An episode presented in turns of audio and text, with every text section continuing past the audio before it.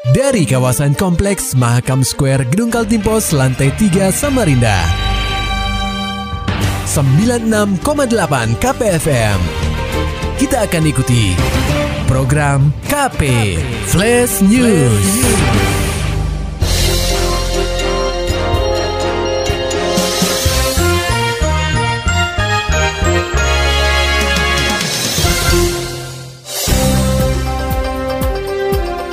Gelar pasar murah dan sediakan kendaraan, langkah Pemkot Samarinda kendalikan inflasi. Laporan selengkapnya akan disampaikan reporter KPFM Samarinda, Maulani Alamin. Pemkot Samarinda menempuh sejumlah langkah untuk mengendalikan inflasi, mulai operasi murah hingga pengadaan penunjang kegiatan. Salah satu titik operasi murah tersebut berada di Pasar Segiri yang berlangsung pada Kamis 27 Oktober 2022. Pemkot Samarinda melalui Dinas Perdagangan menjajakan bermacam bahan pokok penting atau bapokting seperti minyak goreng seharga Rp12.000 per liter yang disediakan 2.500 liter. Harga tersebut lebih murah dari harga pasaran yang dibanderol Rp14.000. Dalam pengendalian inflasi, Pemkot Samarinda menggelontorkan 19,2 miliar rupiah. Dinas Perdagangan Samarinda mendapat kucuran dana 1,3 miliar rupiah. Dana tersebut akan digunakan untuk mengadakan mobil inflasi dan 16 motor inflasi sebagai penunjang operasi murah. Berikut penjelasan Wali Kota Samarinda, Ani Harun. Swakelola. Pertama ada di Probebaya dan ada lagi di penggunaan dana DID 19 miliar, kemudian di penggunaan alokasi DTU yang terdiri dari uh, eh, DBH dan DAU sebesar 2%. Jumlahnya 16 miliar. 16,5 miliar dan yang bersumber DID yang tadi kita dapat apresiasi dalam bentuk dana DID dari pusat dari Bapak Presiden 19 miliar semua dibelanjakan termasuk yang 2% tadi 16,5 miliar semua dibelanjakan untuk melakukan kinerja penjagaan dan penurunan inflasi. Pada kegiatan operasi murah itu, Wali Kota Samarinda Andi Harun juga membagikan 700 paket sembako dan uang tunai kepada para pedagang. KPFM Samarinda, Maulani Al-Amin, melaporkan. Ratusan warga eks transmigrasi di Simpang Pasir menutup ruas jalan gotong royong menuntut janji Pemprov Kaltim. Laporan selengkapnya akan disampaikan reporter KPFM Samarinda, Muhammad Nur Fajar. Selama 49 tahun sudah, warga eks-transmigrasi yang bermukim di Kelurahan Simpang Pasir, Kecamatan Palaran, dijanjikan lahan seluas 2 hektar oleh pemerintah. Namun kenyataannya sampai saat ini, hanya setengah hektar lahan yang diberikan. Sisanya belum ada realisasi hingga detik ini. Buntutnya, warga eks-transmigrasi ini menutup jalan gotong royong yang menjadi akses menuju jalan tol Samarinda Balikpapan dan Gor Palaran pada Jumat 28 Oktober 2022. Penutupan sendiri dilakukan di dua titik, di mana salah satunya adalah dekat dengan jalan penghubung gerbang tol Palaran. Salah satu warga, Sodikin, menuturkan, sebelumnya pada tahun 1973 silam, warga eks-transmigrasi ini dijanjikan oleh pemerintah mendapatkan 2 hektar lahan untuk pindah ke Samarinda. Namun saat ini baru setengah hektar yang diberikan oleh pemerintah. Satu setengah hektar lagi belum ada kepastiannya bahwa ini dari orang tua kami dari tahun 74, 73, 74 Betul. itu nuntut yang satu setengah hektar sudah 48 tahun bapak bapak semuanya. Nah ternyata pemerintah itu hanya berjanji dan berjanji makanya kami mau menutup akses jalan ini satu-satunya jalan supaya mohon perhatian dari pemerintah. Betul. Betul secara hukum kami sudah dimenangkan oleh pengacara kami Betul. bahwa pengacara kami sudah menetapkan bahwa kami yang dimenangkan Betul. oleh Pengadilan Tinggi Provinsi Kalimantan Timur. Dikonfirmasi terpisah, Koordinator Aksi Warga Selamat Subekan menerangkan, sebenarnya dari hasil pertemuan dengan Pemprov Kaltim, telah menghasilkan kesepakatan bahwa pemerintah akan memberikan satu setengah hektar lahan yang dijanjikan.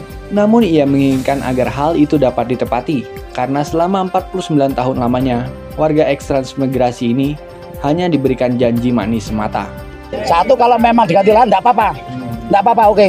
Saya akan kasih tahu sama teman-teman satu istilahnya lahannya di mana Dua kondisi lahannya bagaimana? Tiga sertifikat harus memang dibikin bikinkan untuk kita. Kalau hanya masih istilahnya hanya sekedar sekedar harapan-harapan atau mau-mau ah saya tidak percaya. Kita ini udah mau dikasih sapi pak, hmm. mau, tapi tidak jadi. Oh. Udah berapa tahun yang lalu mau dikasih dulu mau dikasih uang 30 juta, tidak jadi, hanya mau aja. Nah, janjian. Ah, saya bilang tadi, asal ada yang bertanggung jawab, berani hitam di atas putih, boleh katakan melalui notaris kah apakah, apa aset apa kalau seandainya yang terjadi yang mau dikasihkan sama warga ini. Warga udah capek, udah 49 tahun. Nah, ya kan itu saya kira itu yang saya sampaikan. Lebih lanjut, Selamat menegaskan bahwa pihaknya akan tetap menutup jalur logistik ini sampai pemerintah menepati janjinya. Bahkan jika tidak dituruti, warga akan membuat portal di jalan pendekat menuju jalan tol Samarinda Balikpapan ini, sehingga tidak ada truk kontainer yang bisa lewat. KPFM Samarinda, Muhammad Nur Fajar melaporkan. Pendengar KP, Wakil Gubernur Kaltim Hadi Mulyadi menghadiri peluncuran kurikulum dual track untuk jenjang SMA pada Senin 24 Oktober 2022. Kegiatan yang digagas Dinas Pendidikan dan Kebudayaan atau Disdikbud Kaltim ini berlangsung di SMA Negeri 2 Sebulu, Kabupaten Kutai Kartanegara. Secara umum, kurikulum dual track ini berarti memadukan kegiatan belajar mengajar reguler yang ditambahkan dengan kegiatan pembekalan keterampilan secara berdampingan dengan memanfaatkan kearifan lokal.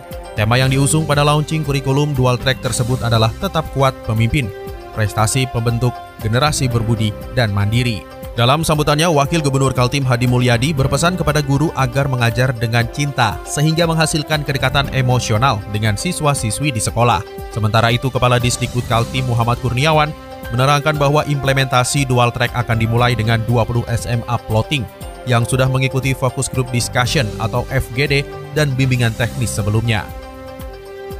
Dinas Pendidikan dan Kebudayaan atau Disdikbud Kaltim berencana menggelar Culture and Education Award pada 15 November 2022 mendatang. Kegiatan Culture and Education merupakan apresiasi dari Disdikbud Kaltim terhadap para penggiat seni di Kaltim. Dalam Culture and Education Award, Disdikbud Kaltim bakal memberi penghargaan pada 10 kategori bidang kebudayaan.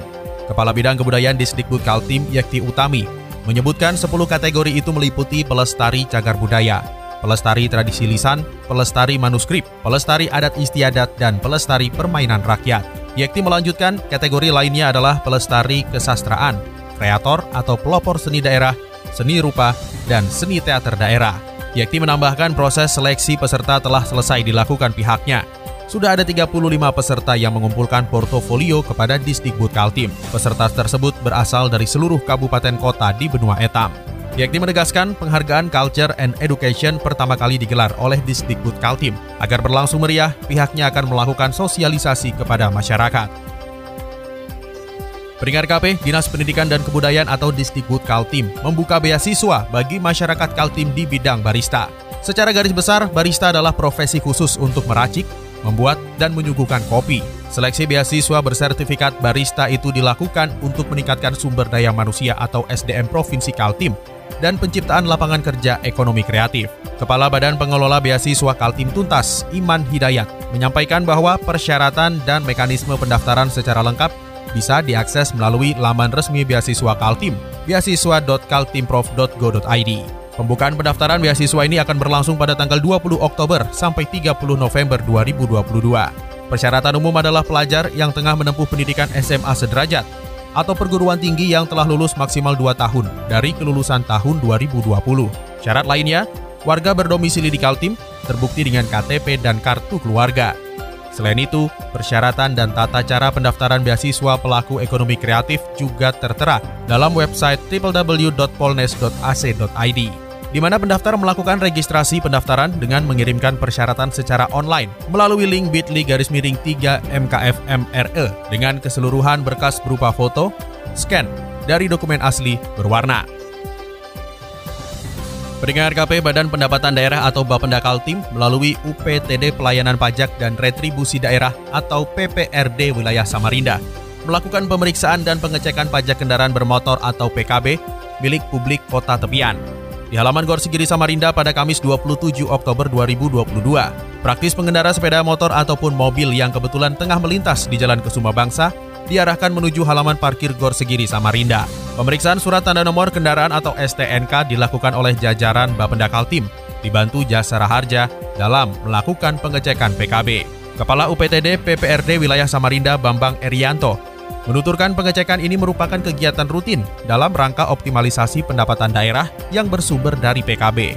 Berdasarkan hasil pemantauan petugasnya di lapangan, Bambang menyebutkan bahwa masih banyak pengendara kendaraan bermotor yang tidak taat pajak namun hal ini dimaklumi oleh pihaknya karena kondisi ekonomi masyarakat yang baru pulih pasca pandemi COVID-19 serta kenaikan bahan bakar minyak atau BBM. Masih ya, masih. masih uh, tapi kita pahami bersama memang kondisi kita saat ini kan uh, kita lagi di wabah COVID, kemudian kemarin ada kenaikan BBM. Nah tentunya perekonomian kan ini belum stabil. Dan juga masyarakat kita pahami banyak kebutuhan lainnya dan mungkin ya telat bayar pajaknya. Ya.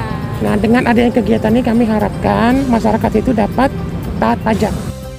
Bambang berharap dengan adanya kegiatan ini masyarakat bisa taat membayar pajak karena secara kebetulan Pemprov Kaltim sedang mengadakan program pemutihan PKB di mana hal ini merupakan minggu terakhir proses pemutihan yang berakhir pada 31 Oktober 2022. Pendengar KP Gubernur Kaltim Isranur memperjuangkan nasib tenaga honorer dalam pra rapat kerja nasional Asosiasi Pemerintah Provinsi Seluruh Indonesia atau APPSI yang berlangsung di Hotel Novotel Balikpapan pada tanggal 26 hingga 27 Oktober 2022. Dalam sambutannya, orang nomor satu di benua etam ini beranggapan bahwa jumlah tenaga honorer di Indonesia terbilang masih cukup tinggi. Meski upahnya tidak sebesar pegawai negeri sipil atau PNS, penghapusan tenaga honorer ini nantinya akan meningkatkan jumlah angka kemiskinan di Indonesia. Menurutnya, tidak ada alasan bagi negara ataupun daerah tidak memiliki kemampuan anggaran untuk memberi upah tenaga honorer. Ia menegaskan hal itu merupakan urusan negara, karena saat ini negara belum mampu menciptakan lapangan kerja di luar dari tenaga honorer. Kalau mau dihapus bisa dibayangkan hitungan-hitungan yang dapat saya peroleh, jumlah tenaga honorer di Indonesia ini lebih kurang 4 juta orang. Mungkin lebih banyak daripada pegawai negerinya, PNS-nya. Kalau 4 juta orang ini menanggung 4 orang saja, anak satu, istri tiga, ada 12 juta orang yang bisa ditanggung. Dalam keadaan yang sedikit pendapatannya berupa honor Jadi tidak ada alasan menurut saya, terus terang saja, tidak ada alasan bahwa kita tidak memiliki kemampuan keuangan. Itu urusan negara negara belum mampu menciptakan lapangan kerja di luar itu. Lebih lanjut, Isran berharap permasalahan tenaga honorer ini dapat dibahas dalam prarapat kerja nasional APPSI oleh seluruh pemimpin daerah. Isran juga bersurat kepada menteri terkait dan Presiden Republik Indonesia mengenai penghapusan tenaga honorer di Indonesia.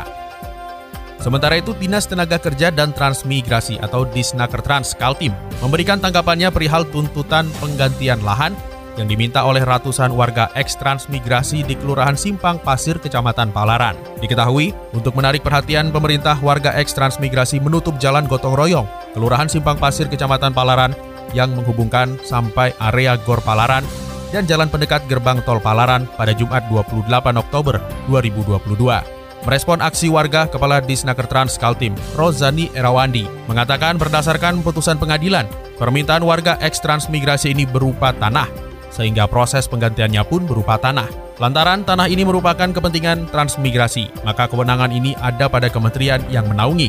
Lantaran urusan transmigrasi tidak sepenuhnya diserahkan kepada daerah. Ya, putusan rapat itu menyatakan penggantian tanah. Hmm. Nah, tanah itu karena untuk kepentingan transmigrasi tentu adalah kewenangan kementerian yang menangani transmigrasi. Oh, itu. Oh. Itu saja putusannya. Berarti Karena kan? memang putusan pengadilan kan juga seperti itu hmm. bahwa yang terkait dengan putusan banding bahwa uh, tergugat satu, tergugat dua itu wan prestasi. Hmm, hmm, hmm. Jadi wan prestasi adalah berarti minta tanah ganti tanah, sementara gugatan lainnya tidak diterima terkait dengan dana itu. Lebih lanjut, Rozani meminta warga eks transmigrasi untuk bersabar karena pihaknya akan berkoordinasi dengan kementerian terkait untuk proses penyediaan lahan yang diminta oleh 118 kepala keluarga eks transmigrasi. Sesaat lagi kita akan simak Parlamentaria DPRD Kaltim persembahan dari 968 KPFM Samarinda.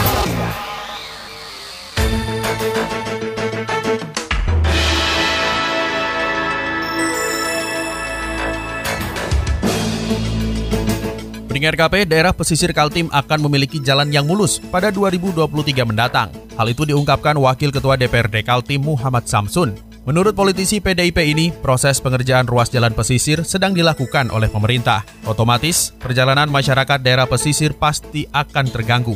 Imbas proyek pengerjaan jalan yang menghubungkan Samarinda, Sanga-Sanga, Dondang, Muara Jawa, Samboja, dan Balikpapan.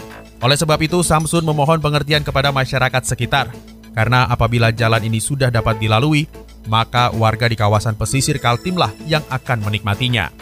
Uh, 2023 ini selesai, kemudian uh, di 2022 ini kan sudah dikerjakan nih, sedang dalam proses. Ya memang di dalam pengerjaannya perlu waktu dan tentunya ada proses. Selama proses itu barangkali ada yang uh, terganggu, ya menyata terganggu saat perjalanan, terganggu karena ada proses pengerjaan kegiatan proyek, ya mohon dimaklumi. Dan insya Allah kalau sudah baik semua, biasanya masyarakat juga akan merasakan nikmat. Setelah ruas jalan daerah pesisir benar-benar mulus, maka proyek selanjutnya adalah memperbaiki ruas jalan wilayah selatan dan utara. Untuk wilayah selatan sendiri akan selesai pada tahun 2023. Sementara untuk ruas jalan Kutai Kartanegara menuju Kutai Barat Proses perbaikannya akan menelan dana APBN.